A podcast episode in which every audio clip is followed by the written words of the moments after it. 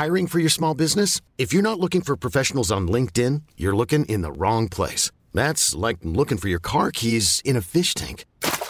LinkedIn helps you hire professionals you can't find anywhere else, even those who aren't actively searching for a new job but might be open to the perfect role. In a given month, over 70% of LinkedIn users don't even visit other leading job sites. So start looking in the right place. With LinkedIn, you can hire professionals like a professional. Post your free job on linkedin.com slash achieve today. Ever catch yourself eating the same flavorless dinner three days in a row? Dreaming of something better? Well, HelloFresh is your guilt-free dream come true, baby. It's me, Kiki Palmer. Let's wake up those taste buds with hot, juicy pecan-crusted chicken or garlic butter shrimp scampi. Mm. Hello Fresh. Stop dreaming of all the delicious possibilities and dig in at HelloFresh.com. Let's get this dinner party started.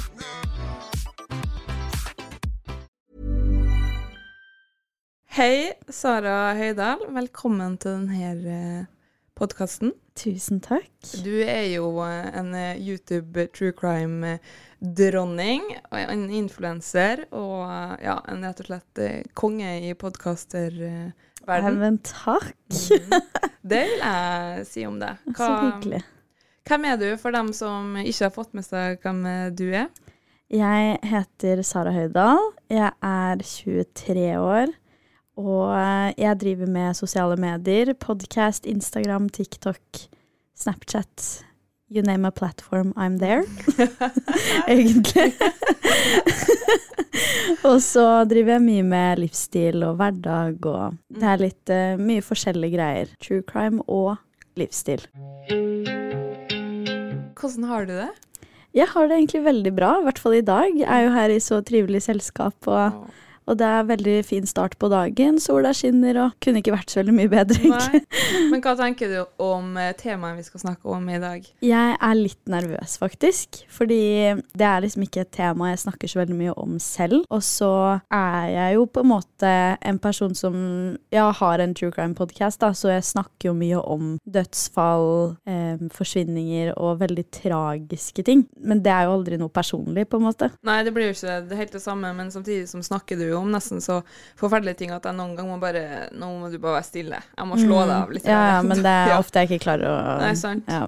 Men eh, nå skal vi ikke snakke om true crime, forhåpentligvis, med tanke på det vi skal snakke om. Det er jo en podkast om eh, det å miste noen, om sorg og livet videre. Eh, Og du har òg dessverre kommet inn i denne eh, fine klubben vi har, Ja. ja, som ingen vil være i. Vil du fortelle litt om eh, hvem du har mista? Ja, tidligere i år så mista jeg bestefaren min, og ehm, bestefaren min var virkelig en skikkelig, skikkelig inspirasjon for meg, og et menneske som Altså, jeg hadde aldri sett for meg å ikke kunne leve et liv uten han, på en måte. Og eh, han var en så morsom, snill, eh, kjærlig, familiekjær person som på en måte Ja, jeg Hver gang jeg møtte han, så var det med et smil og en latter, og han kalte meg liksom eh, Ruske-Sara, jentungen. Det liksom Det er så mange sånne ting, da, som er Han er bare god stemning for meg. Så eh, han ble syk av kreft, eh, og han var ikke syk så veldig lenge, rundt et års tid. Og når han ble syk, så var det veldig sånn Hæ? Det, det skjer jo Det kan jo ikke skje. Og veldig mye sånn stress knytta til det, på en måte. Fordi han er liksom ikke Han har aldri vært en person som man tenker at ja, han kommer til å bli syk, på en måte. Det har liksom aldri slått meg at det kan skje, da. Så det var ganske hardt. Ja, for han er liksom den store, sterke, sant, som Mm. Du Det er bare sånn Du skal bare være her, på en måte. Ja. Altså, Og han er veldig lik meg. mm. Jeg er den personen som aldri drar til legen med mindre noen tvinger meg til det. Uh, jeg veit det. Det er uh, Er det én ting jeg har lært, så er det at det, det må man kaste rett ut av vinduet. Det er for mye stolthet, på en måte. Og eh, jeg er jo den personen som er veldig redd for hva Om det skulle vært noe galt, så er jeg redd for det svaret. Og har på en måte Sykdom og sånne ting har alltid vært veldig vanskelig for meg fordi jeg også har mista en annen besteforelder til samme sykdom tidligere. Så når bestefar ble syk, så var det jo sånn Å ja, vi er egentlig veldig like, for da hadde han blitt pusha til å, til å dra til legen, da. Og det er liksom en ting jeg merker at jeg nå veldig tar en sånn OK, nå må du skjerpe deg, liksom. Hvis det er noe du lurer på, sjekk opp i det, og så finn ut av det. Men um, hvordan reagerte du når du fikk vite at han uh, var syk? Du har snakket litt om det, men husker du på en måte det øyeblikket? Jeg knakk fullstendig sammen. Fordi jeg hadde liksom fått høre at ja, han har vært litt dårlig. Det har vært noe, på en måte. Og det var en på en måte liten prosess der fra det ene til det andre. Men når vi fikk på en måte bekrefta at ok, det her, er til, er ståa, så knakk jeg helt og skjønte at nå må man ta vare på de som står deg aller nærmest. Fordi dette var på en måte min første hendelse i voksen alder hvor noen som sto meg så nært, og som jeg har så mye respekt for, og som jeg virkelig ikke kunne sett for meg en hverdag uten, på en måte, eh, blir satt i en posisjon hvor man kan miste de, på en måte. Så det var veldig, veldig tøft. Og så handla det bare om å støtte alle i familien, spesielt da mormor, da. Eh, men det var veldig, veldig tøft. Og jeg husker at det var veldig mye sånn ringe mamma nesten daglig, og vi har et veldig tett bånd, så vi ringtes veldig ofte fra før av, men da var det veldig sånn det her må vi snakke om. Hva er ståa? Er det noe nytt? Og jeg er sånn person som trenger å vite alt. Mm. Så jeg ringte heller en gang for mye enn for lite, på en måte. da. Så ja. Men det er du helt sikkert veldig glad for i dag, at du på en måte Det her er realiteten nå. For Even on a budget, quality is non-negotiable. That's why Quince is the place to score high-end essentials at 50 to 80% less than similar brands. Get your hands on buttery soft cashmere sweaters from just 60 bucks, Italian leather jackets, and so much more. And the best part about Quince, they exclusively partner with factories committed to safe, ethical, and responsible manufacturing. Elevate your style without the elevated price tag with Quince. Go to quince.com slash upgrade for free shipping and 365-day returns. Hiring for your small business? If you're not looking for professionals on LinkedIn, you're looking in the wrong place. That's like looking for your car keys in a fish tank. LinkedIn helps you hire professionals you can't find anywhere else, even those who aren't actively searching for a new job but might be open to the perfect role. In a given month, over 70% of LinkedIn users don't even visit other leading job sites. So start looking in the right place. With LinkedIn, you can hire professionals like a professional. Post your free job on linkedin.com slash achieve today. Og det kan jo være en Man kan jo reagere med å bare fornekte. Mm. Um, at nei, nei, men han Det går fint, liksom. Herregud, ja. null stress. Ja, det, jeg er veldig glad for det i dag. Mm. Fordi jeg er glad for at jeg gjennom hele prosessen visste hva som skjer, hva er ståa. Men så vet man jo også at ting kan jo snu kjempefort. Mm. Og det kan gå fra å være den beste dagen noensinne den ene dagen, og så dagen etterpå kan det være det stikk motsatte, da. Så, men jeg er veldig glad for det, og at jeg ikke trakk meg unna det. For det husker jeg at eh, i forrige dødsfall i familien, så gjorde jeg veldig det. Men da var jeg også 11-12, på en måte. Mm. Så jeg hadde liksom ikke noe på en måte forhold til hva det var for noe, eller noen ting. Så jeg er veldig glad for at uh, alt jeg angrer på at jeg ikke gjorde da, kunne jeg gjøre nå. Men hvilken type For du sa det var kreft. Mm. Hvilken type kreft var det? Eh, lungekreft. Mm. Og det var akkurat samme som forrige. Det var mm. liksom samme, akkurat samme kobling. Mm. Og det var jo Ja, har man opplevd det én gang, på en måte, så blir man jo kjempestressa når du hører Og det er jo et veldig sånn skummelt ord for veldig mange også. Jeg har aldri noe positiv assosiasjon til det, for å si det sånn. Så det var veldig, veldig stressende når vi hørte liksom Ja, dette er det det er. De har funnet det og det. Og det føltes ut som akkurat samme løp som farfaren min hadde, da, for mange år siden. Men var ikke, jeg vet ikke, var det litt trygt òg? Eller det gikk jo ikke bra, men sånn at du visste litt hva ja, eller på en måte ja. Det var litt betryggende at mamma og pappa, mormor, mor, altså farmor, alle på en måte de voksne i familien visste på en måte litt mer om det enn det jeg gjorde. Og i den prosessen her så lærte jeg jo også mye om det forrige dødsfallet. Mm. Fordi det var liksom samme type, det var mange likhetstrekk, men ting jeg likevel ikke visste om den gangen. da. Så jeg lærte veldig mye om det, og det gjorde at når jeg hadde faktaene på bordet, så var det litt lettere å forholde seg til det også, selv om det selvfølgelig var helt forferdelig.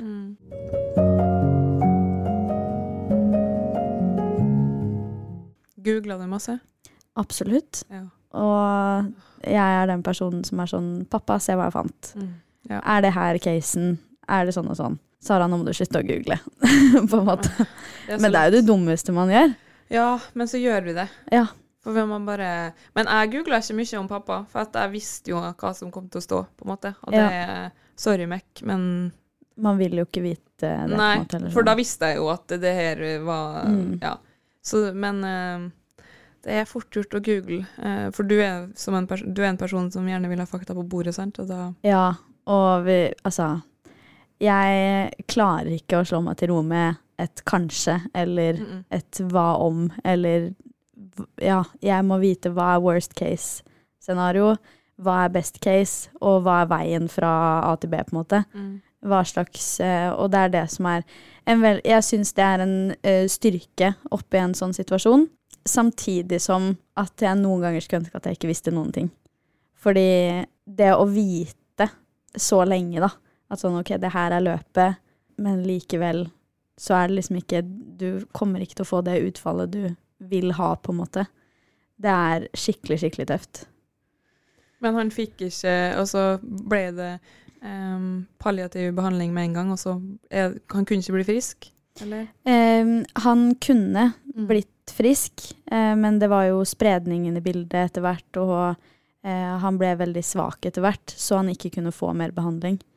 Og da ble han jo lagt på um, helsehuset. Og fra der så var det jo mange gode dager, men mot slutten flere og flere dårlige, da. Men hvordan var det å se den sto- store, sterke bestefar bare bli svakere og svakere? Ja, det var helt, eh, helt forferdelig. Og vi besøkte han jo så ofte som vi hadde mulighet til. Og det å ha samtaler med eh, bestefar, på en måte, som han har vært der hele livet mitt. Vi har hatt samtaler som stort sett har vært morsomme, tulla med hverandre. Han har fortalt historier om sin oppvekst, barndom, alt det der. Han har alltid vært en tullete fyr og tulla rundt med alt mulig. Og så å plutselig komme i en situasjon hvor det er stikk motsatt. Han har kanskje ikke energien til å tulle, og hvis du hører at han tuller med noe, så er det sånn Å, det var veldig fint. Da blir det på en måte et sånn et lite øyeblikk man veldig tviholder på, da. Og det var skikkelig eh, veldig vanskelig, fordi man vil jo ikke være i gåseøynene svak på en måte rundt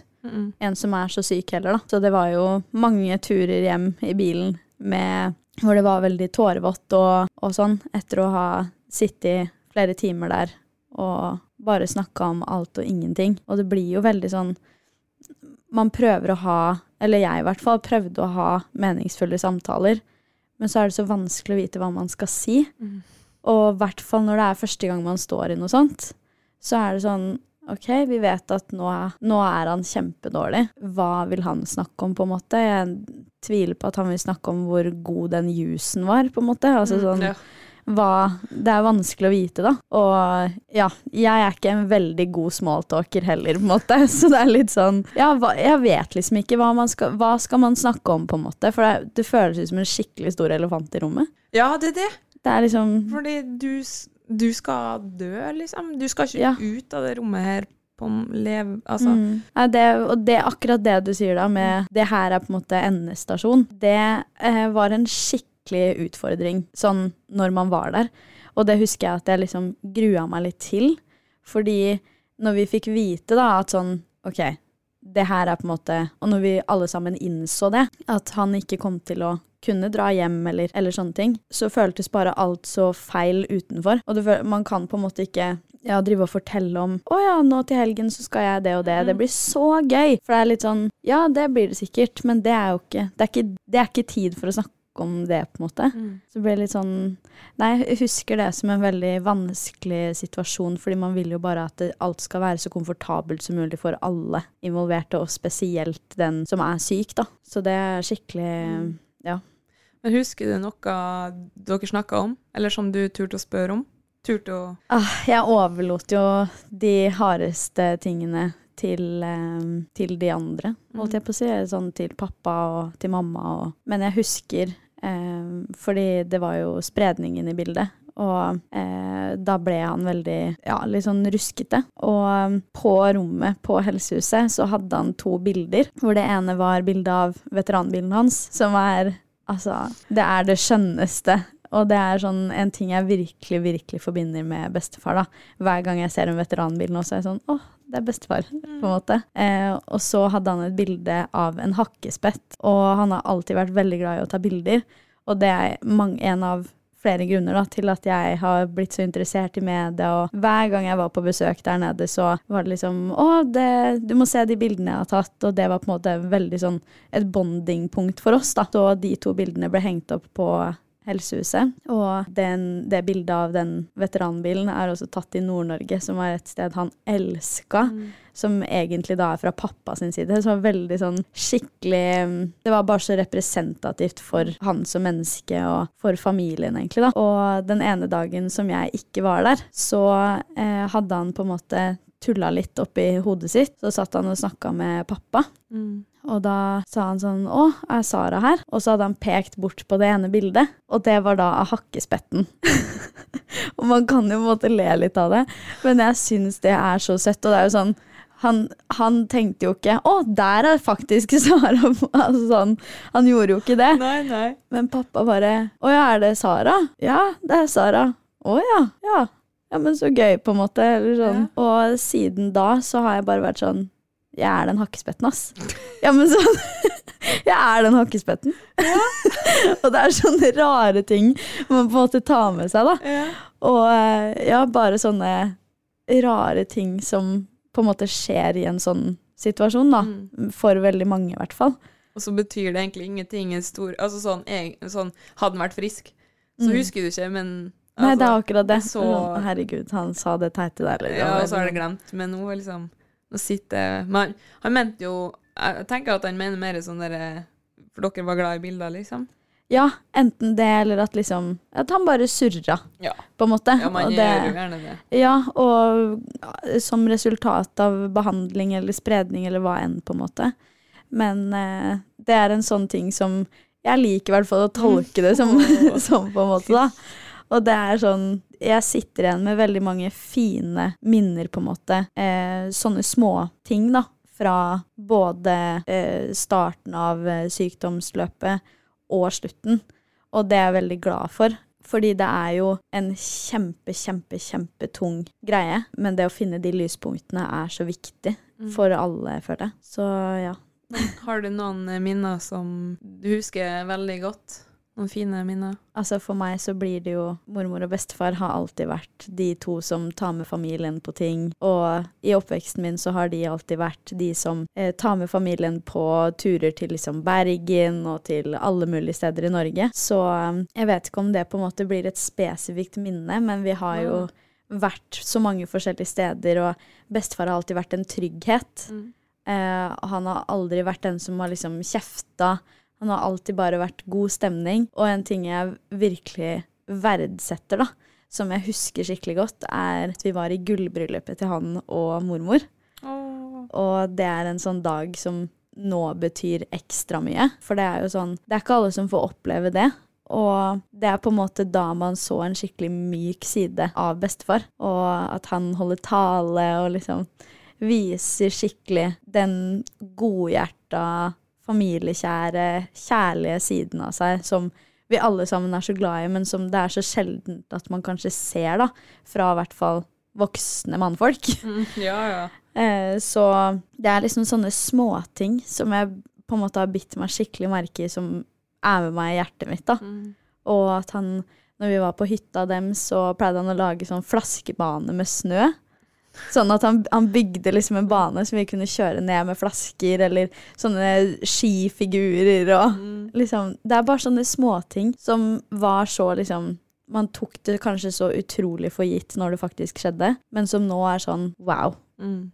Du var den fyren, du. Som bare Du ville bare at alle skulle ha det bra, og ville bare gjøre ting smoothest mulig, da. For alle i familien. Og alltid liksom vært så glad i barn, og vært så glad i alle, på en måte. Satt så pris på familietid, og Det er bare skikkelig fint å se tilbake på, og noe som jeg virkelig har lyst til å ta med meg videre med meg selv også. Og på mange måter så har han jo inspirert meg både før, under og etter til å være en bedre versjon av meg selv også. Fordi alle de kvalitetene som han hadde, er kvaliteter jeg selv vil ha, og som jeg ser i mamma, for eksempel.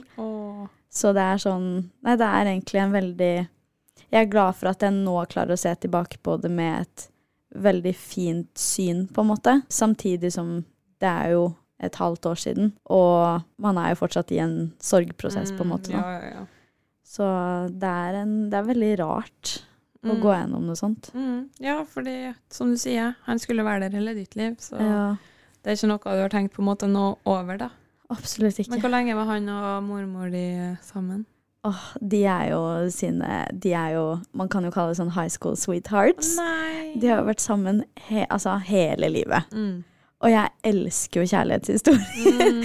Jeg har jo spurt mormor og bestefar om det her mange ganger. Ja, men åssen møttes dere da? Mm. Og de gifta seg jo veldig unge fordi mormor var gravid. Åh, ja. Da må Ja. man skynde seg. Ja, for det måtte gifte seg før det syns, vet du. Ja, det. ja det, det, er det som telles. ja. Så um, Nei, de møttes jo når de var eh, unge. Og um, det også er en sånn Jeg har jo alltid ønska å finne the one Mm. når jeg var liksom 14. Ja, sånn. Det er jo ikke realistisk, egentlig. I hvert fall ikke i nåtida. Men eh, nei, de møttes når de var veldig unge, og fikk jo da tre barn. Som er mamma, og hun er da en tvillingsøster. Oi, det er kult. Ja, så jeg, tror, jeg er overbevist om at jeg kommer til å få tvillinger. Det kan du få, det. Ja, for jeg har hørt at det hopper over et ledd og sånn. Ja, vil du det? Jeg, har ikke, jeg føler ikke noe veldig stort behov for å føde to barn på rappen, liksom. Sånn, Gi meg ett først, kanskje, så jeg skjønner litt hva det går i. Men eh, ja, nei, de, ja, de hadde jo faktisk fått ett barn før det også, da, som er onkelen min. Og eh, ja, one big happy family, rett og slett. Og um, de har jo verdens skjønneste kjærlighetshistorie. Og um, det også er en ting som jeg har sagt til mormor også, at jeg ser så opp til dere og forholdet dere har. Og akkurat det samme gjør jeg med mamma og pappa, på en måte. Så nei, det er bare ordentlig fine mennesker, altså. Mm, åh. Blir litt rørt av å snakke om det. ja, for det er jo ikke liksom, Man snakker jo ikke om det hver dag. Nei, man gjør ikke det. Nei. Og det er um, Jeg syns det er viktig å ha sånne rolle, rollemodeller også, på en måte. Mm. Det er jo dessverre sånn at når man mister noen, så innser man også veldig mye av Og man lærer mye om hvem de var som mennesker, av de sidene man kanskje ikke fikk se hver dag. Mm. Og um, jeg er veldig takknemlig for å lære de tingene, men jeg syns også det er synd at det på en måte var resultatet av at man har mista noen man er så Ja. glad i, da. Så det er jo det som er Og det føler jeg er en veldig sånn gjenganger i alle dødsfall. At man Det er først når noen er borte at man lærer hele historien. Mm. Og det er så Jeg syns det er så synd. Mm. For man Ja, om det uansett hva som er årsaken til dødsfallet, om det er sykdom eller om det er noe annet, så er det jo alltid mye mer til et menneske enn bare en sykdom. Mm. Eller alt det greiene der, da. De hadde jo et liv før oss og sånn òg. Ja, Bare og det ja. Nei, det er så merkelig. Mm. Jeg er sikker på at du også kan relatere til det, på en måte. ja, jeg kjenner veldig på det der nå, for jeg spurte pappa altfor seint om ting. Ja. Eller altså, vi snakka jo mye om det når han var syk òg, men siste dagene um, så prøvde jeg jo å stille spørsmål om barndommen og sånn. Ja. Og da har han jo nesten ikke stemme igjen. Nei, ikke sant. Og da kjenner jeg bare sånn Åh, hvorfor kunne jeg ikke ha spurt Ja. litt før? ja, men det er akkurat det, og det er sånne ting man kanskje ikke tenker over Nei. at sånn Å, men det har jeg jo lyst til å vite. Ja, bare Altså- sånne ting som at Herregud, han hadde blitt mobba og sånn, for han var jo over to Ja. meter, og det var kanskje ikke så vanlig når han var barn, da. Han bare Nei, han hadde liksom ikke sånn spesielt sånn nærme venner på, i oppveksten, Åh. og ble liksom litt mobba, og bare Hæ? Men det er jo så trist. Ja, det var helt forferdelig. Og så så utrolig på en måte kjipt å høre det så Altså sånn Typ tre dager, liksom. Ja. før han Nei, det, Ja, det bare Og så er det sånn, man kan jo ikke blame seg selv for det heller, på en måte. Nei. For det er jo Altså, det er jo mange som ikke vet noen ting om noe som helst i livet Ja, ja. til foreldre, besteforeldre, alt sammen. Men eh, det er noe jeg angrer veldig på selv også. At sånn Jeg vet mye, men jeg vet at det er ting jeg fortsatt lurer på. Og det skulle jeg ønske at jeg spurte om før vi visste hvilken vei det gikk, på en måte. Mm. At det var liksom en At det kunne vært en casual samtale vi kunne hatt. Sant. Og liksom han kunne fortalt om sånne historier som man husker fordi Oi, det, det kom jeg på nå! Ja. Og det er jo de historiene man gjerne vil ha, da. Ja, ja, det er jo det. Så um, ja. Nei, det er det er rart, altså. Og det er jo interessant å høre om òg, liksom. Mm. I gamle dager og Men ja. nei, man er for tregt ut. Ja. Og tida som var så annerledes da. Ja, sant. Altså, nei, det er skikkelig rart, det der, Ja. Men eh, ja, nå har jeg jo bestemt meg for igjen, da. Det her er jo som sagt mitt første på en måte dødsfall i voksen alder. Og første gang jeg har måttet forholde meg til alle de tingene der. Ja, i voksen alder, da. For sist gang så var jeg så liten. Men det har lært meg så mye om at man skal ta vare på de som står deg nær. Eh, spør heller en gang for mye enn for lite hvordan det går. Spør om det du lurer på, når du lurer på det, og ikke Ja, bare gjør det du Altså, just do it. For det er, det er klisjé å si, det, liksom. Ja, jo, men det Men sånn, det funker å tenke det i absolutt alle situasjoner. For det er sånn, så lenge man har gode intensjoner med det man spør om eller sier eller gjør, så kommer det til å gå fint, liksom. Mm. Og ja, det er jo enkelte ting jeg på en måte angrer på at jeg ikke har spurt om. Samtidig så fikk jeg også en veldig, for meg, verdig avslutning på det. Fordi når bestefar lå på helsehuset, så hadde jeg skrevet et eh, brev til han. Oi, smart. Ja, fordi det var jo så mange dager hvor det var sånn Vi fikk beskjed om at det her kan skje når som helst. Og mamma ringte meg en dag og sa dere gjør som dere vil. Men det kan hende det her er siste gang. Og når jeg fikk den telefonen, så ringte jeg til begge søstrene mine og bare Vi setter oss i bilen nå, liksom. Det ferdig snakka, det skjer, liksom. Og de var jo selvfølgelig helt enig i det. Og da hadde jeg skrevet et eh, brev til han som jeg egentlig hadde lyst til å lese for han. Men da vi kom dit, så var det Altså, han hadde jo fått masse smertestillende, og han var jo veldig, veldig dårlig. Og det brevet hadde jeg med meg den dagen. Håndskrevet, alt var helt klart. Og det første som møter meg, er at mamma spør har du lyst på litt alenetid, for hun visste at jeg hadde skrevet det. Og så sier jeg fordi jeg var jo så stressa, lei meg, alt. Det var så mye følelser. Og alle i familien var der. Det var liksom mamma, pappa, alle, begge søstrene mine, tante, onkel. Det var liksom nær, nærmeste familien var der. Og um, når jeg da kommer inn og hun spør om alenetid, så føltes det ut som jeg skal ikke ta den jeg fortjener ikke det noe mer enn noen andre, på en måte. Så den lar vi ligge. Og etter det, når vi da kommer ut av rommet senere, så er det fordi bestefar har dødd. Så det skjedde samme dag, mens vi alle sammen var der. Heldigvis, på en måte. Og det er kanskje noe av det som er sånn Å, fy fader. Det, jeg hadde en magefølelse, liksom. Mm. Men det brevet, det fikk jeg muligheten til å lese opp i begravelsen. Og det var på en måte alle mine følelser bare lempa på bordet. Og kjære bestefar, på en måte. Dette er det jeg hadde lyst til å si til deg på helsehuset. Og nå så er jeg veldig glad for at jeg tok den muligheten. Fordi det er alltid noe man har usagt, føler jeg. Ja. Det er alltid liksom noe man vil si. Og når man da har muligheten, så er det liksom For meg så var Altså for noen så er det jo ikke sånn at man føler det behovet i det hele tatt. Og det er jo helt fair. Men for meg som er en veldig, veldig vocal person, da. Mm. Jeg sier jo alt jeg føler og, og, og sånn. Så er det jo på en måte Ja, nei, den muligheten må jeg ta. Rett og slett. Og jeg var jo kjempenervøs, men det var så verdt det, da. Og det å dra derfra etterpå og vite at nå har jeg sagt det jeg trengte å si, og det jeg ville si. Og hvis det er sånn at han kunne fått det med seg, så har han fått det med seg. Og jeg vet at han hadde satt pris på det, på en måte. Og det er en veldig sånn, sånn Hva heter det? En veldig lettende følelse etterpå, da. Så det var på en måte greit at du ikke fikk sagt det til en der, Mm. For hadde du kanskje følt at du tok tida. Ja, og så var det bare ikke tid og sted, på en måte. Eh, skulle jeg gjort det da, så måtte det ha vært tidligere. Ja. Og Ja, ja. gjenganger, det. ja.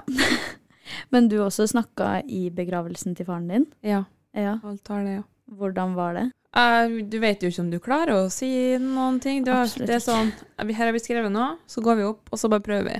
Ja. Men uh, det var Jeg er så glad for at jeg gjorde det. Mm. Sitter igjen med liksom samme følelsen som deg der, at jeg er så glad for at jeg Og uansett om jeg ikke har klart å gjennomføre det sjøl, hvis presten måtte ha lest, så er det jo på en måte helt innafor. Mm. Men bare at jeg fikk sagt eh, de ordene eh, til pappa der i begravelsen, og at min lillebror fikk spilt av en sang som Ja. er introen på denne podkasten, forresten. Å, Mm. ja. Så eh, det var veldig fint, for det handler om, litt om hvordan pappa sitt så på livet, da. Ja.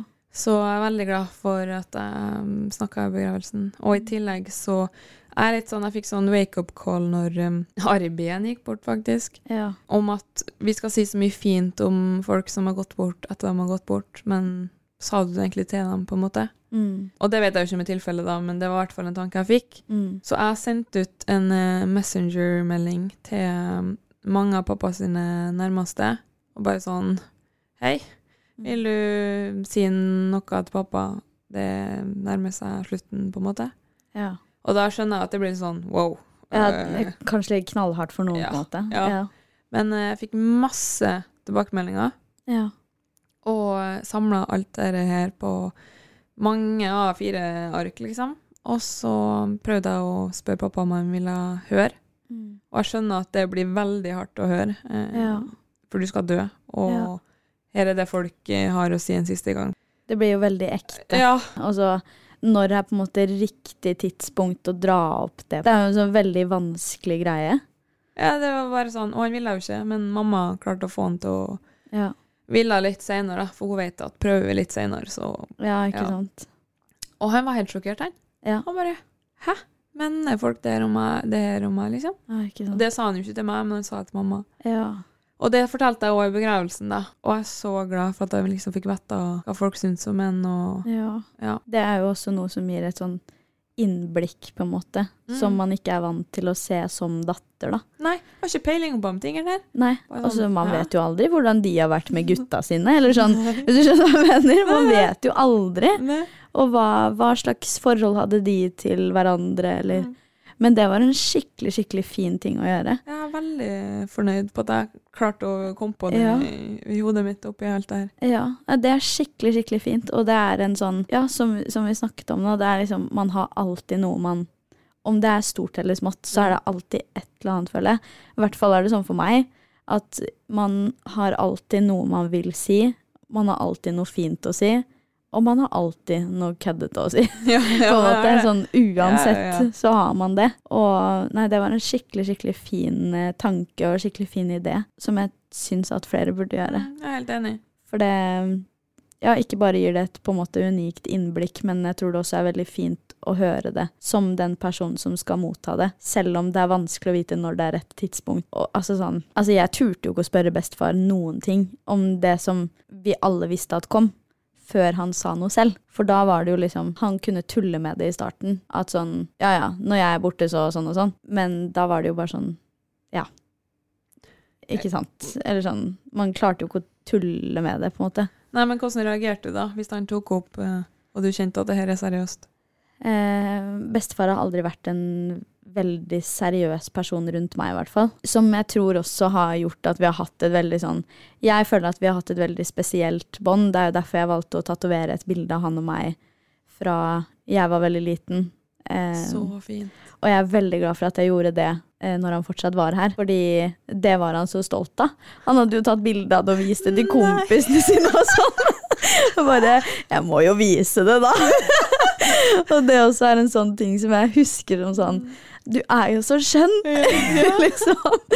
Men uh, han har liksom aldri vært en sånn seriøs person. Det er ikke det jeg husker han som. Så når han tok opp ting som var litt seriøst, eller hvis jeg spurte ja, hvordan har dagen din vært, eksempel, så kunne han i starten være sånn nei, det er samme gamle, ha-ha. Men etter hvert så ble det mer nei, nå, nå går det ikke, liksom.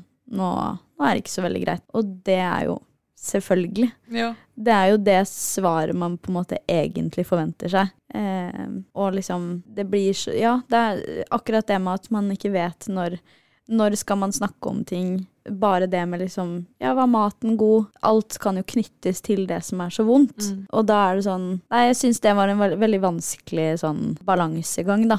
Og veldig ofte så klarte jeg jo ikke egentlig å si noe heller. Og snakka jo mye med mamma og pappa om sånn Er det dumt av meg å ikke si noe? Hva kan jeg si? Hva kan man snakke om. For jeg er liksom ikke vant til å se bestefar i en sånn situasjon.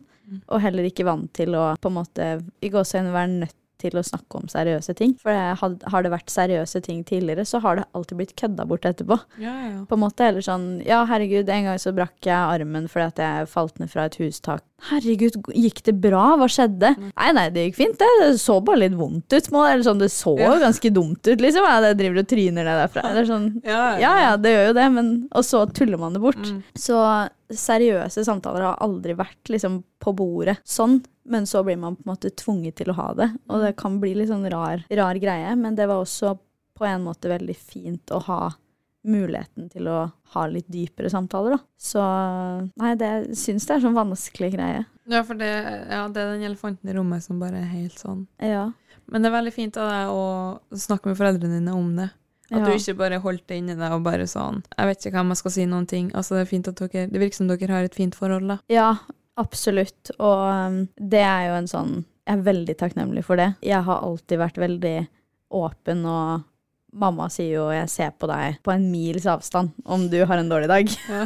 og ikke bare fordi at er liksom Det er jo ikke alltid man sier sånne ting, men det bare syns, på en måte. Eh, og på grunn av det så har vi alltid snakka om alt. Og bare vært veldig Ja, hvordan har du det? Og da er det sånn Nei, jeg har det bra. Ja ja, greit. Men på ekte, hvordan går det? Og at man har litt ordentlige samtaler om ting, da. Så jeg tror det er en veldig fordel når jeg da kjente på noe som var litt sånn Det føltes ut som alle andre i rommet visste hva de skulle si, men så sitter jeg der og bare jeg har liksom ikke noe annet å si enn sånn 'jeg er glad i deg', og at det er viktig for meg å få sagt det. Så det er jo en veldig sånn rar greie. Jo, men jeg tror òg det vet eh, Det visste han, Ja. tror jeg. At uh, det var ikke noe han tenkte at du var noe mindre glad i han. Eller, altså, Nei, det er jo nei. det. Altså, han, trengte sikkert bare at du var i rommet, og Mm. så ja, kødda vi kanskje hvis vi kunne kødde.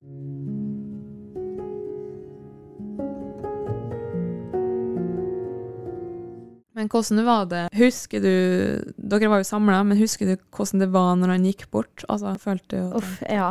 Jeg husker det som om det var i går. Eh, og jeg har aldri sett det før. Hadde en litt uheldig opplevelse i det forrige dødsfallet i familien, farfar, hvor det var en begravelsesagent, eller hva det heter, som var litt sånn Nei, men nå kan dere gå inn og se. Ja. Eh, Det han hendte på ti.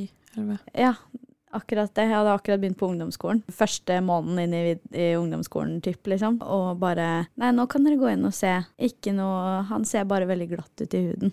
Mm. Det var det jeg fikk beskjed om. Og så OK, hadde jeg egentlig ikke lyst til det i det hele tatt, fordi du hadde akkurat fått sjokkbeskjeden, og så skal det føles litt sånn Mm. det har jeg ikke noe behov for, på en måte. Men så er du elleve år, hva sier du? Så jeg gjorde jo det, og det er jo Det er lett å si at man på en måte angrer på det, men det gjorde jo at jeg har alltid siden den gang vært veldig redd for eh, dødsfall, død, sykdom, alt det der.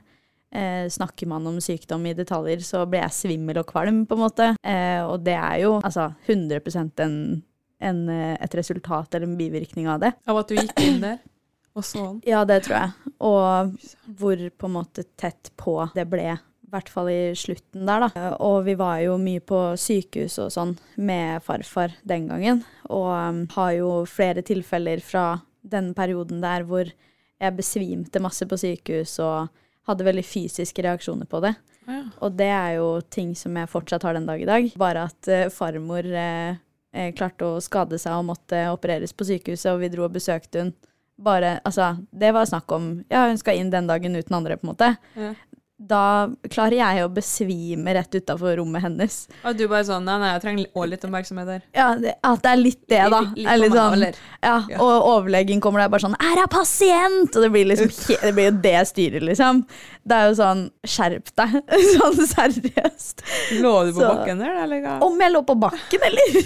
det var Segna om, liksom. Rett ned i betongen der på Drammen sykehus. Husker jeg ennå. Fader, ass. Nei, det var eh, Det er en sånn greie da som man merker Altså, jeg hadde aldri trodd at sånne egentlig psykiske påkjenninger kunne ha så fysisk utspill i kroppen. Men det er jo en veldig direkte greie, liksom, som jeg har skjønt etter hvert. Sånn at eh, Fader, nå mista jeg helt tråden på hva vi snakka om her. Eh, ja, vi snakka egentlig om hvordan du reagerte, Ja, på Ja, men vi var stemmer. fremdeles på Vi var på farfar Ja, stemmer. Jo, nei, jeg har jo aldri egentlig sett da en person faktisk dø, men jeg har sett da et dødt menneske. Mm. Og det er ikke noe jeg på en måte skulle ønske at jeg så, eh, selv om det var eh, Kall det en avslutning, på en måte, da. Men det føltes bare ikke, ikke veldig riktig som en elleve år gammel liten jente. Du skulle ikke ha sett noen døde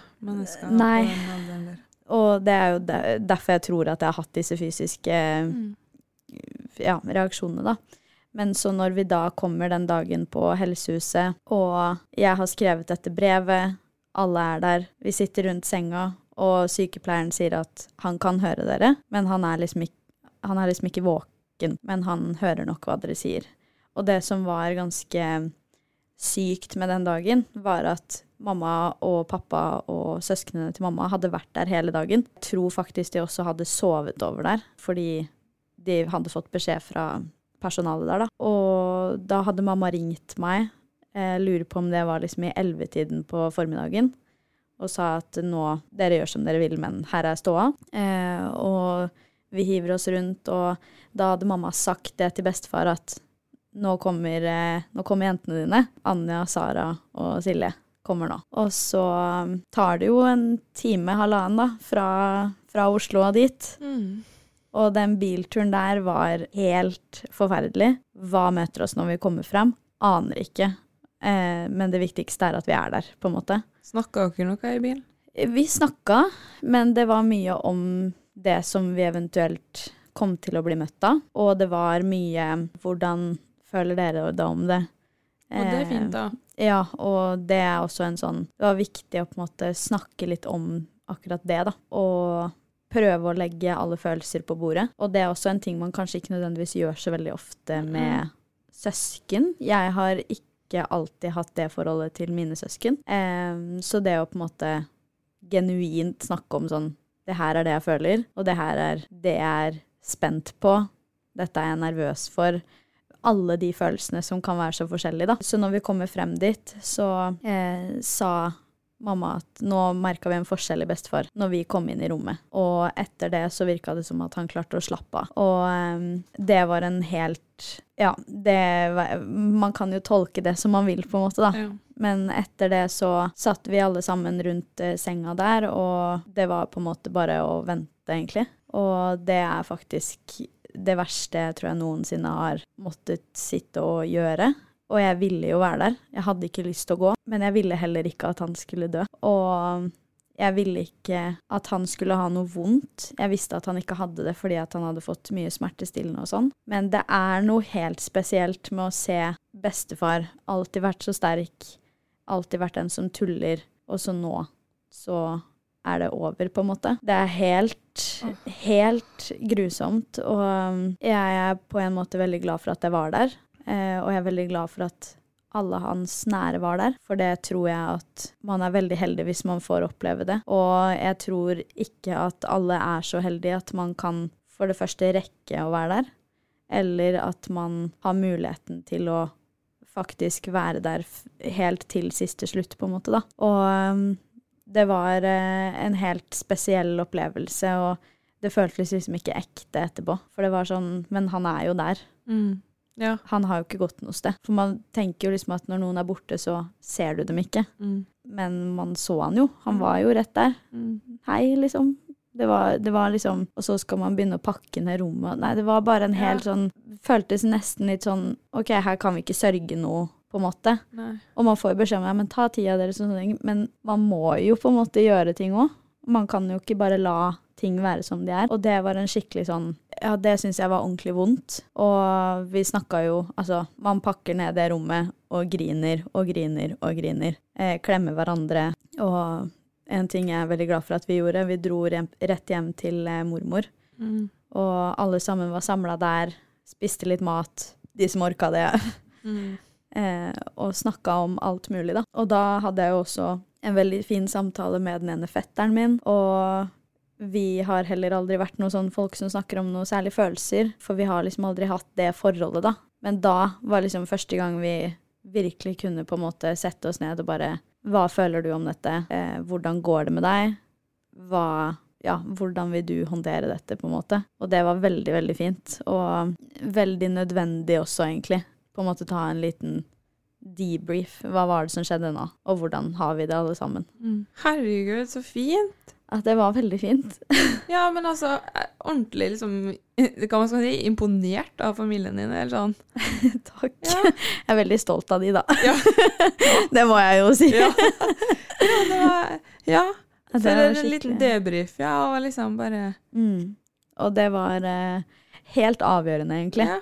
Fordi det, etter det også, så har det vært så mye lettere å snakke med alle om sånn Hvordan går det faktisk med deg nå? Mm.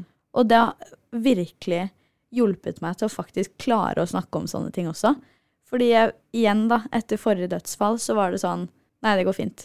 Og så ser du meg besvime på håndballbanen fem minutter etterpå, liksom. Mm. Det er litt sånn OK, åpenbart gjør du ikke det, men det var ikke noe det, Nei, det snakker vi ikke om. Ferdig.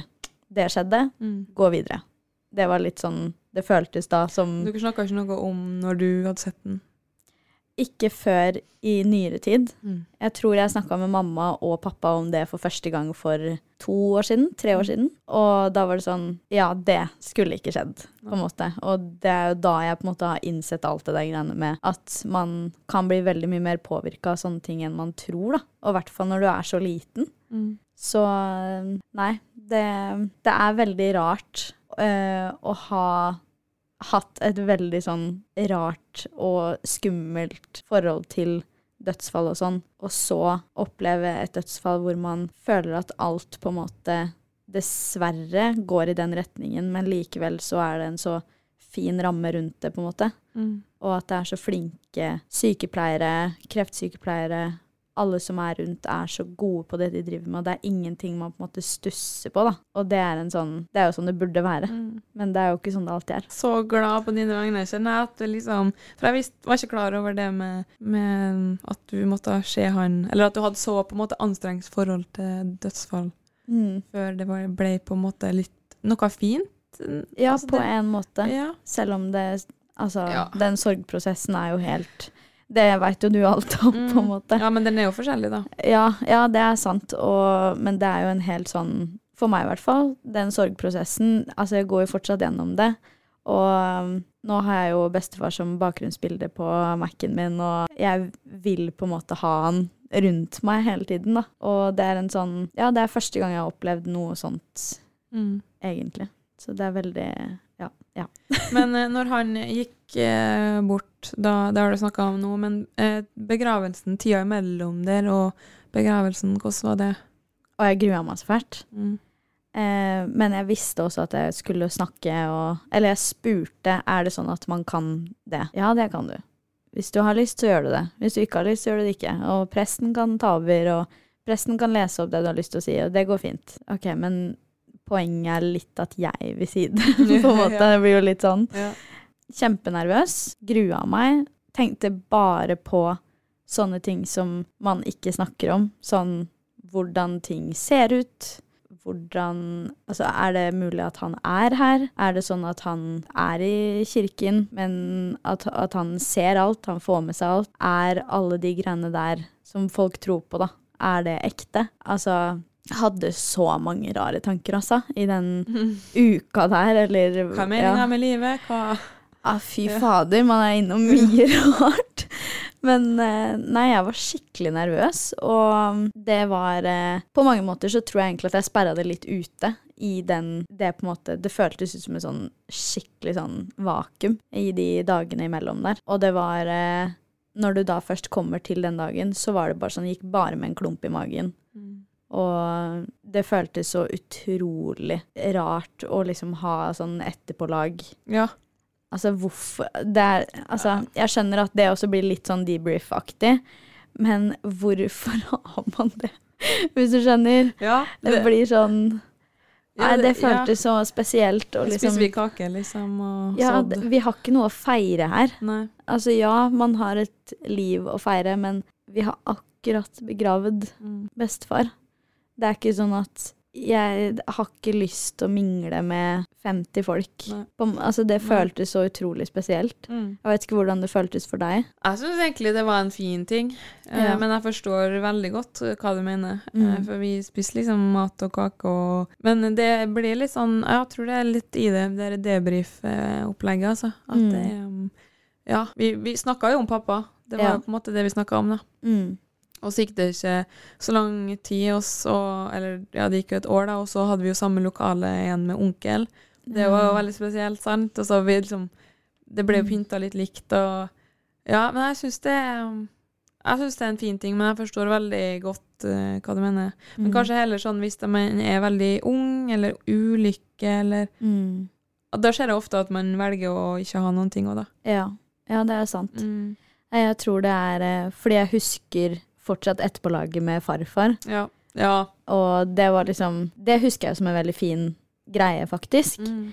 Og at det ikke varte så lenge. At det var Man snakka om det man snakka om. Eh, ville du spise noe, så spiste du noe. Og det var liksom veldig sånn. Eh, og det var det nå også, men jeg tror at eh, for min egen del så hadde jeg så sjukt mye følelser. Og alt for meg er jo utapå kroppen, på en måte. Mm. Veldig lite er på innsida, eller sånn. Ja. Det høres veldig dumt ut. Jo, jo, men sånn, det er veldig Jo. lite følelser som ikke kommer til uttrykk. ja. Så eh, for meg da, så jeg tror at vi Nå skal ikke jeg snakke på vegne av noen, på en måte, men jeg tror at jeg og kanskje noen andre var veldig tappa Mm. etter de siste, den siste uka, kanskje, da. Og at det var sånn veldig hyggelig å på en måte få snakka med folk, og veldig hyggelig å se mennesker som har hatt betydning for bestefar, og høre hva, hvilke ord de hadde å si, og alt det som hører med. Men det var så jeg, For meg så var det sånn jeg så ting så utrolig fra utsida. Sånn Det bare føltes så utrolig spesielt, da. Mm.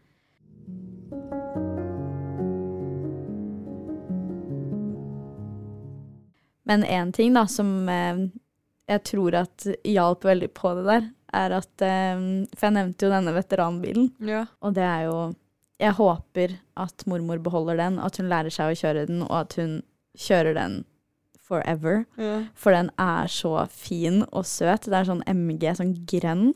Ah, den er så fin. ja. Eh, og det er liksom Den, den hører til der, på en måte. Men eh, når vi kjørte fra kirken, så Eller når vi skulle til å kjøre derfra, så spurte onkelen min meg har du lyst til å sitte på i veteranbilen. Åh, frysninger. Om jeg sa ja, Mm. det var Ja, det har jeg lyst til. Mm. Det var eh, kjempekaldt. Jeg hadde ikke jakke. Jeg lånte en jakke fra en eller annen og bare Det her er viktig, liksom. Og det var på en måte min debrief Mm. etter selve begravelsen, på en måte. Mm. Og igjen, ja, jeg snakker mye om følelser og sånn med familie, men kanskje ikke på en måte onkel, tante, fettere. Det som på en måte blir Det er jo nær familie, men på en måte sånn utvida familie. Ja. Eh, så da var det liksom sånn Ja, nå kan vi kjøre litt i nabolaget der hvor bestefar vokste opp. Og eh, her bodde eh, mormor og bestefar første gang sammen. Her fikk de meg. Her skjedde det, her skjedde det. Her eh, jobba bestefar, her gjorde han det, her gjorde han For han kunne jo alt dette her om faren Mm. sin. Og ehm, Han er faktisk den fyren, han. Som han, han, han er den fyren. og de har jo, hadde jo så veldig sånn spesielt bånd, på en måte. Og så det å da kunne på en måte kjøre litt rundt, og alle de stedene her som jeg bare har hørt om, men som jeg aldri har sett, Mm. var, det var en skikkelig sånn fin greie. Og når vi da kommer frem til lokalet hvor det etterpålaget var, så var det sånn ah, Da kan vi på en måte snakke Ja. med folk. Så det var jo Det hjalp jo veldig, det. Mm. Men det også er liksom Det er veldig mange fine ting som har skjedd i forbindelse med det, og så har egentlig alle følelser og sånn kommet litt kanskje i ettertid også, med at ser jeg et bilde jeg ikke har sett på veldig lenge, så er det da er det grining. Og så kan jeg, ja, for ikke så lenge siden, kanskje en ukes tid siden, så fikk jeg det sammenbruddet fordi at jeg tenkte på mormor, og at jeg fikk så vondt av hun, at jeg syntes så synd på hun, og at jeg savna bestefar, og at eh, det var liksom alt av følelser bare lempes på bordet. En random tirsdag, liksom. Ja, det er akkurat det. Og det er så rart. Det, det er ikke noe forvars, eller sånn, det er ikke noe, det er ikke noe sammenheng her. Det. I går også ringte broren min meg og bare sånn Jeg måtte ringe mamma i går, jeg, fordi jeg ble bare så trist. Ja. Og bare sånn så hva, hva, hva skjedde da? Nei, det var ingenting. Ja. Jeg bare Det er spesielt, altså. Ja. Og man tenker liksom ikke over det nødvendigvis, at det er eh, følelser som skal komme så lenge Mhm. etterpå. Eller så lenge. nei, nei, men sånn. Ja, skjønner hva jeg mener. Men eh, etter begravelsen, så da har man på en måte mm, OK, nå er vi ferdig med begravelsen. Det føltes veldig deilig, i hvert fall for min del, da. Mm. Eh, Men hvordan var det for deg etter begravelsen og nå egentlig frem til For det er jo fremdeles ikke lenge siden. Mm. Hvordan er det? Eh, rett etter begravelsen så var jeg veldig sånn Hallo, vi kan ikke bare gå videre med livet, på en måte. Det føltes egentlig nesten urettferdig. Og alle ting som skulle skje etterpå, var sånn «Ah, Men han får ikke vært med på det, eller sånne ting. Det var en dåp i familien, mens, eh, men det var faktisk mens bestefar lå på helsehuset. Da fikk han vært med på FaceTime og sett liksom barnebarnet sitt gå oppover der. Og for han, han, han gikk opp det kirkegulvet, han, i dåpen sin. Jeg tenkte bare han ble sikkert barn, men nei, nei, Ja, OK. nei, nei, han, Ja. han er noen år gammel, han. Ja. Men eh, ja, uansett, han fikk vært med på Mm. FaceTime. Og det var jo en veldig fin greie, men samtidig så ble jo det også igjen en elefant i rommet. Mm. Med at sånn, han får ikke vært her, og det var fordi at han var dårlig. Um, og så da i tiden etterpå vite at den klumpen kommer til å være enda større i magen neste gang. Det var skikkelig skikkelig, skikkelig fælt. Og det er mange ting, sånn som nå, da hvor jeg eh, akkurat har flytta sammen med, med eh, kjæresten min, så var det sånn ah, Han fikk ikke vært der for det. Jeg bare vet at han, han spurte så mye om det. Ja, hvor er, hvor, er, hvor er typen din? Hvordan går det med han? Og når han var der, så var det sånn Det var han han tulla med, liksom. Og det var veldig sånn han, var nye, han er jo det nyeste tilskuddet i familien. Og han var så interessert i han. Og liksom, hva jobber han med, hva gjør han? Eh, og behandler han deg bra? måte. Ja, ja. Eh, så liksom, sånne store ting har vært litt sånn vanskelig å tenke på sånn. Du skal faktisk ikke være der for de tingene. Og det har vært skikkelig utfordrende. Jeg har hatt mange knekker, og jeg tror at man må jobbe skikkelig med huet etter en sånn hendelse. Mm. For det er eh, Altså, man skal ikke undervurdere hvordan eh, man påvirkes av det. Og alle har jo forskjellig forhold til de greiene her, og reagerer forskjellig på det. Men jeg tror uansett at man, man blir jo så påvirka eh, i underbevisstheten, i bevisstheten, hva enn, liksom. Mm. Så nei, det har vært veldig vanskelig. Og jeg føler meg ikke liksom Jeg føler at jeg fortsatt står i det som jeg gjorde to uker etterpå. Og det er litt sånn ah, Man har jo ikke lyst til det, men jeg klarer ikke å glemme det, på en måte. Mm. For det er eh, Det er bestefar, på en måte. Så nå er den på armen min, da. Det er fint. Ja. Pleier du ofte å se på den? Ja, Du gjør det, ja, ja hele tiden. ja? Og hver gang jeg ser meg i speilet og sånne ting, har på meg en T-skjorte eller hva enn, så ser jeg jo den. Mm. Og da av og til så tar jeg meg i at jeg kan liksom stoppe opp litt og bare å, Mm. Og tenke liksom tilbake på litt ting. Og, mens jeg står og sminker meg eller skal i et møte eller hva enn, liksom. Og det er en veldig fin ting å ha med seg. Og ja, nei, det, jeg er bare glad for at jeg har så mange positive minner å se tilbake Mm. på. For det er eh, Ja, det er så verdifullt, da. One day, the littlest things will be out of, out of your reach, but right now, love, take me by the hand as we walk across the sand now. Men um, hvilken um, Nå har jeg litt eh, lyst, lyst til å høre hva du tenker om musikk. Er det noe spesiell sang som minner om han? Sang i begravelsen? Noen ting? Ja, eh, de spilte um, flere sanger som var på en måte hans, hans vibe. Mm. Men eh, de spilte også 'Jeg glemmer deg aldri' av Emma Steinbakken. Nei. Eh, Jo, jo den spilte de. Mm. Å, fy fader. Jeg har ikke klart å høre den sangen siden. Eh, for den minner meg bare om begravelsen. Skulle egentlig på Emma Steinbakken på en eller annen festival. Tror du jeg klarte det, eller? Mm. Nei. det var ikke kjangs. Så ja, den er veldig spesiell for meg nå. Og jeg har jo som sagt ikke klart å høre den siden. No. Og det er bare fordi jeg veit at jeg knekker av den. Mm. Så, men det er jo en så fin sang. Herregud. Ja, den er helt nydelig. Og det Når mamma sa ja, vi skal spille den Nei, tuller du nå? Nei. Liksom, det var, Jeg knakk da, på en Ja, måte. Ja, mm. Det var liksom OK. Mm.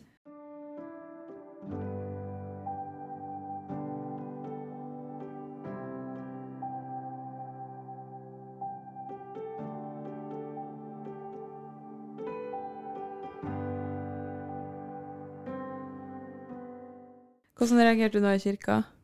Å, herregud. Ja. Det var grinekor, ja. Mm. Hørte var vi sangen, eller hørte vi bare det? Liksom? Jeg er en silent crier, Oh, ja. så, så jeg sitter bare sånn og hulker. Ja. Så man hørte nok eh, sangen. Det var også en mann som sang den eh, i kirken. Og helt fantastisk stemme. Men i øyeblikket så klarer man jo ikke å nyte det, Nei, på en måte. Det er bare sånn, bli ferdig nå. Ja, og så på en, Det er så rart med sånne sanger, fordi på en måte så ville jeg bare aldri at den skulle slutte, for det betydde at begravelsen snart var ferdig, Mm. og nå Og da er det på en måte på tide å gå videre, på en måte. Ja, sant? Og det var ikke en følelse jeg ville ha. Jeg ville ikke Altså, jeg, jeg ville jo aldri at han skulle gå bort. Så hva Og hva er på en måte veien videre? Hva er livet videre nå? Så um, på en måte så ville jeg aldri at den sangen skulle ende. Samtidig så ville jeg nesten aldri at den skulle starta heller, på en måte. Det var veldig sånn rar. Hadde dere noen spesielle i begravelsen til faren din? Ja, vi hadde noen Nå nå er det nesten sånn der, hvilke sanger hadde vi? Ja. Men vi hadde en um, med han eh, Frode Alnes, han som er et band som heter Dance with a Stranger. Om du har hørt Ja. om dem? De er fra Kristiansund, så det er derfor ja. De er jo veldig store, da. Og han pappa har aldri likt Eller har ikke hørt på det, på en måte. Men uh, plutselig så var det en sang han likte veldig godt, da. For jeg spurte ham om det før han gikk bort, uh, hvilke sanger han har som favoritter på sin spilleliste, da. Diverse heter den lista. Jeg har den, da. Mm.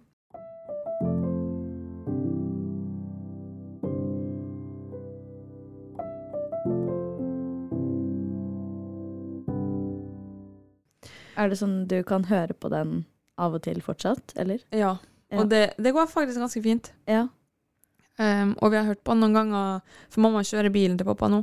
Ja. Og tok over hans bil og solgte sin egen. Fordi var, pappa hadde veldig peiling på bil, så da visste man jo at det her Ja. var liksom Det er bra greier, liksom. Bra saker. Ja, alt, alt utstyr og. AMG, sport uh, Ja, ingen aning. Men eh, så, så har vi liksom spilt den musikken mens eh, vi har kjørt da på roadtrips, som var det beste pappa visste. ja. Så, og så var det en sang vi ville spille i begravelsen, som pappa hadde på spillelista si, som var ei dansk dame. Aldri hørt sangen før. Eh. Veldig random. Men han eh, la til den på lista si den dagen han skjønte at noe var galt. Som han Oi. ikke har sagt til oss, fordi han snakka jo ikke. Og så når vi har satt på den eh, på spillelista hans, så begynte han jo å skrike. Og da var det han sa det, da. Oi. Så den fikk jo ikke Vi, vi spilte den ikke i begravelsen, men siden det var covid da begravelsen var, så hadde vi minnestund den når det hadde gått et år og han Nei, et Ja. halvår, og han hadde fått gravstein på bursdagen hans, da. Så fikk han gravstøtte, og da innvia vi den med russisk vodka og champagne. Ja, det tror jeg har sett video. Og da spilte vi den sangen. Ja. Så da fikk mamma, fall, altså vi og dem, men hun spesielt fikk en sånn closure på Mm. OK, vi fikk spilt den sangen som betydde mye for han, da. ja. Å, det er så fint med det, Mm. den closure-følelsen. Mm. At sånn OK, da er det ett kapittel omme, og nå er det on to the next, Ja. på en måte. ja. Samtidig som det også kan føles litt feil. Ja. Ja, nei vi, vi sitter i hvert fall bare igjen med sånn som virker for deg, at det er så fint det ble, når det ble Ja. som det ble, på en måte. Ja. Det var ikke noe alternativ at han skulle leve. Ikke besteforeldrene mine heller, og der fikk jeg jo Det leste jeg et dikt. Og veldig kjenner jeg bare sånn åh, så glad jeg gjorde det, og på en måte. Ja. Og båret kista og ja. ja. Hvordan er det å bære kiste? Veldig rart. Ja. Og det som er i hvert fall veldig rart, er at jeg og broren min tok oss i å snakke om begynte å snakke om det praktiske med å bære kiste, da skjønner du at da har vi båret noen kister, eller? Ja. Det er bare sånn ja, ja, for du, har Ja, det, for du eller dere har gjort det flere ganger? Vi bærte jo først farmor og best, fordi de hadde jo dobbeltbegravelse. Ja. Uh, og så bærte vi pappa. Og så bærte vi onkel. Og det her er jo desember 2019 til januar i år, da. Så da Ja. Og da begynte vi liksom å snakke sånn Nei, det er best egentlig foran sånn, og hvis du holder på det og Vi, bare, vi stoppa opp og bare sånn Hva i alle dager Ja. snakker vi om? Å, fy fader, ja. Men jeg er veldig glad jeg har båret. ja. Jeg syns det er litt fint òg, Mm. bære ut. Var Ja, det noe alternativ for deg? Ikke for min del, men um, de trengte jo seks stykker eller noe sånt Mm. nå. Og da valgte de rett og slett bare de eldste barnebarna Ja. til det, og så søsknene. Og pappa tror jeg også gjorde det. Mm. Så da var det eh, ja, den eldste søstera mi da, og den eldste fetteren min Mm. som eh, gjorde det. Og eh, jeg var veldig glad for at det var de som gjorde det, på en måte. Nei, det var Jeg husker det når jeg bærte ut pappa, så gikk bestekompisen til pappa eh, Jeg mener, han gikk for, foran meg. Ja. Og det syns jeg liksom Det er noe jeg sitter igjen med som det var helt jævlig, fordi de var jo venner før mamma og pappa, og da snakker vi tilbake i om det er 81-82, liksom. ja. Og de har liksom ringt hverandre hver dag. Snakka aldri om følelser og sånn, selvfølgelig, men det var bilprat det gikk i, og fiksing og alt mulig greier. Og de har liksom ringt hverandre hver dag, og der skal han liksom bare gå og bære bestekompisen Ja. sin. Det er helt forferdelig. Og så, det er jo sånne ting man bare aldri kan se komme. Nei. På noe som helst måte. Og det er jo ikke Man unner jo ingen å måtte gjøre det heller. Mm. Så det er helt eh, Jeg syns begravelser og dødsfall på den måten er helt, helt jævlig, rett og slett. Men grava, da? Hvilket forhold har du til den? Jeg har faktisk ikke vært der siden begravelsen. Mm. Og jeg har hatt muligheten til det, men for meg så har det vært så vanskelig å skulle ta det steget. Og det er liksom ikke et steg på en måte heller, for det er jo liksom Jo, men på en måte. Ja, Da går du jo tilbake og ser at han ligger, han ligger jo i bakken, liksom. ja. Og jeg er så I hodet mitt så er jeg så visuell, så jeg er på en måte Altså, det er så Mm. fælt, det også, på en måte. Men jeg har bestemt meg for at jeg skal gjøre det, eh, fordi jeg har vært så mange ganger på grava til eh, farfar hver eneste julaften, og det er liksom Det er en tradisjon, på en måte, da. Men jeg har enda ikke vært på grava til bestefar, og det er jo mye fordi at jeg har så vanskelig forhold til det fortsatt, og jeg vet liksom ikke hvordan jeg vil reagere når jeg først er der. Så det er eh, Men jeg har jo sett hvordan grava har blitt. Jeg har jo sett bilder av den og sånt. Men er du redd for hvordan du reagerer? Ja, egentlig. Fordi jeg føler på en måte ikke at jeg har kommet meg noe veldig mye videre enn hva jeg hadde har to uker etter begravelsen, da. Men jeg må komme meg dit. For jeg vet at det er nødvendig, liksom, og jeg trenger det. For kanskje det er det du trenger? Mm, jeg tror faktisk det. Ja. Så jeg skal gjøre det. Så kan du Jeg har prøvd, for første gang å snakke til pappa på grava, når jeg var Ja. der sist. Hvordan føltes det? Eh, ekstremt spesielt. Ja. Men jeg klarte faktisk å snakke Altså, jeg begynte jo å skrike, men jeg klarte å fortsette å snakke, da. ja. For det jeg har prøvd å snakke til henne en gang før, eh, bare på jobb og så opp i himmelen. Men da var det Det gikk ikke, liksom. Nei. Og nå jeg kjente sånn mestring med at Jeg fortalte liksom om den her drittcampervanen oss som fikk bilproblemer, og bare 'Hvor er du?' når jeg liksom Ja. eh, Og podkasten fortalte jeg om, og, ja. så det var veldig deilig. Men uh, Det er sånn Ja, jeg skjønner at det kan føles litt spesielt. Ja. Sånn man snakker på en måte du har jo vært der hele mitt liv, så plutselig skulle du ligge der og ikke respondere på noen ting av det jeg sier. Ja, det er veldig... En stein, eller eh, vi har jo sånn stål eh, Veldig fin gravstøtte. Det fineste gravstøtta jeg har sett, om jeg får si det sjøl. Ja. Det er sånn aluminium eller ja, Ja. stainless steel. Ja, ja, ja. Sånn, Flott skal det være. ja, flott skal det være. Med Mercedes-stjerne på baksida som, som lyser gjennom på sånn glassplate når sola trer. Jeg syns det er så fint med ting som er sånn veldig personlig Ja. til den, den Folk tenker sikkert 'Å, herregud, så harry' når han går forbi. So be it, Ja, altså. Helt ærlig. Jeg syns det er så kult. Han hadde kommet og, han hadde kommet og sagt at det var dyrt. Ja. Men um, nei, elsker Det får være, liksom. Ja, det, får, det er dine penger. ja. Ja, men det er så Ja. Ja. Nei, jeg, jeg tror det er viktig å komme seg komme seg dit. Og jeg tror, jeg, jeg tror og håper ikke at jeg er aleine om å synes at det er liksom et steg å ta. Sånn i forhold til at man Ja, man, man har liksom ikke vært der, da. Mm. Nei, det er første gangen er sikkert òg. Ja, og er, jeg tror det blir litt sånn dørstokk Mm. dørstokkmila, egentlig, da. Mm. Med at sånn Nå skal jeg dit fordi jeg, Det blir på en måte en sånn det, Jeg tror faktisk jeg må gjøre det alene. Ja. Og jeg tror at det må være en sånn Dette her gjør jeg nå, fordi nå kjenner jeg meg klar for det. på en måte. Men eh, jeg har bestemt meg for at jeg skal gjøre det, og jeg tror det er en veldig fin og viktig ting, egentlig. Ja, jeg var jo heller ikke Jeg, jeg var jo hjemme i Kristiansund der pappa, eller der mamma og pappa bodde, og mamma bor. Um, og vi bor jo bare sånn tre minutter unna gravstedet. Men Ja. det tok meg en måned Ja. bort til det gravstedet. Ja. Så du er ikke alene om den dørstokkmila. Og, Nei. og, og selvfølgelig, gravsted er ikke for alle. Nei, nei, det er jo det ikke kan det. godt hende at du føler bare en setback. Jeg kjenner jo, kjenner jo enkelte som ikke ønsker å besøke gravsteinen til de som de har mista. Mm. Og på en måte så kan jeg jo skjønne det, hvis man enten bare aldri kom seg dit i etterkant av begravelsen, eller, eller at man rett og slett ikke klarer det, på en måte. Det er jo helt forståelig. Og en ting jeg har lært veldig i den prosessen her nå, er jo at alle følelser er lov. Mm.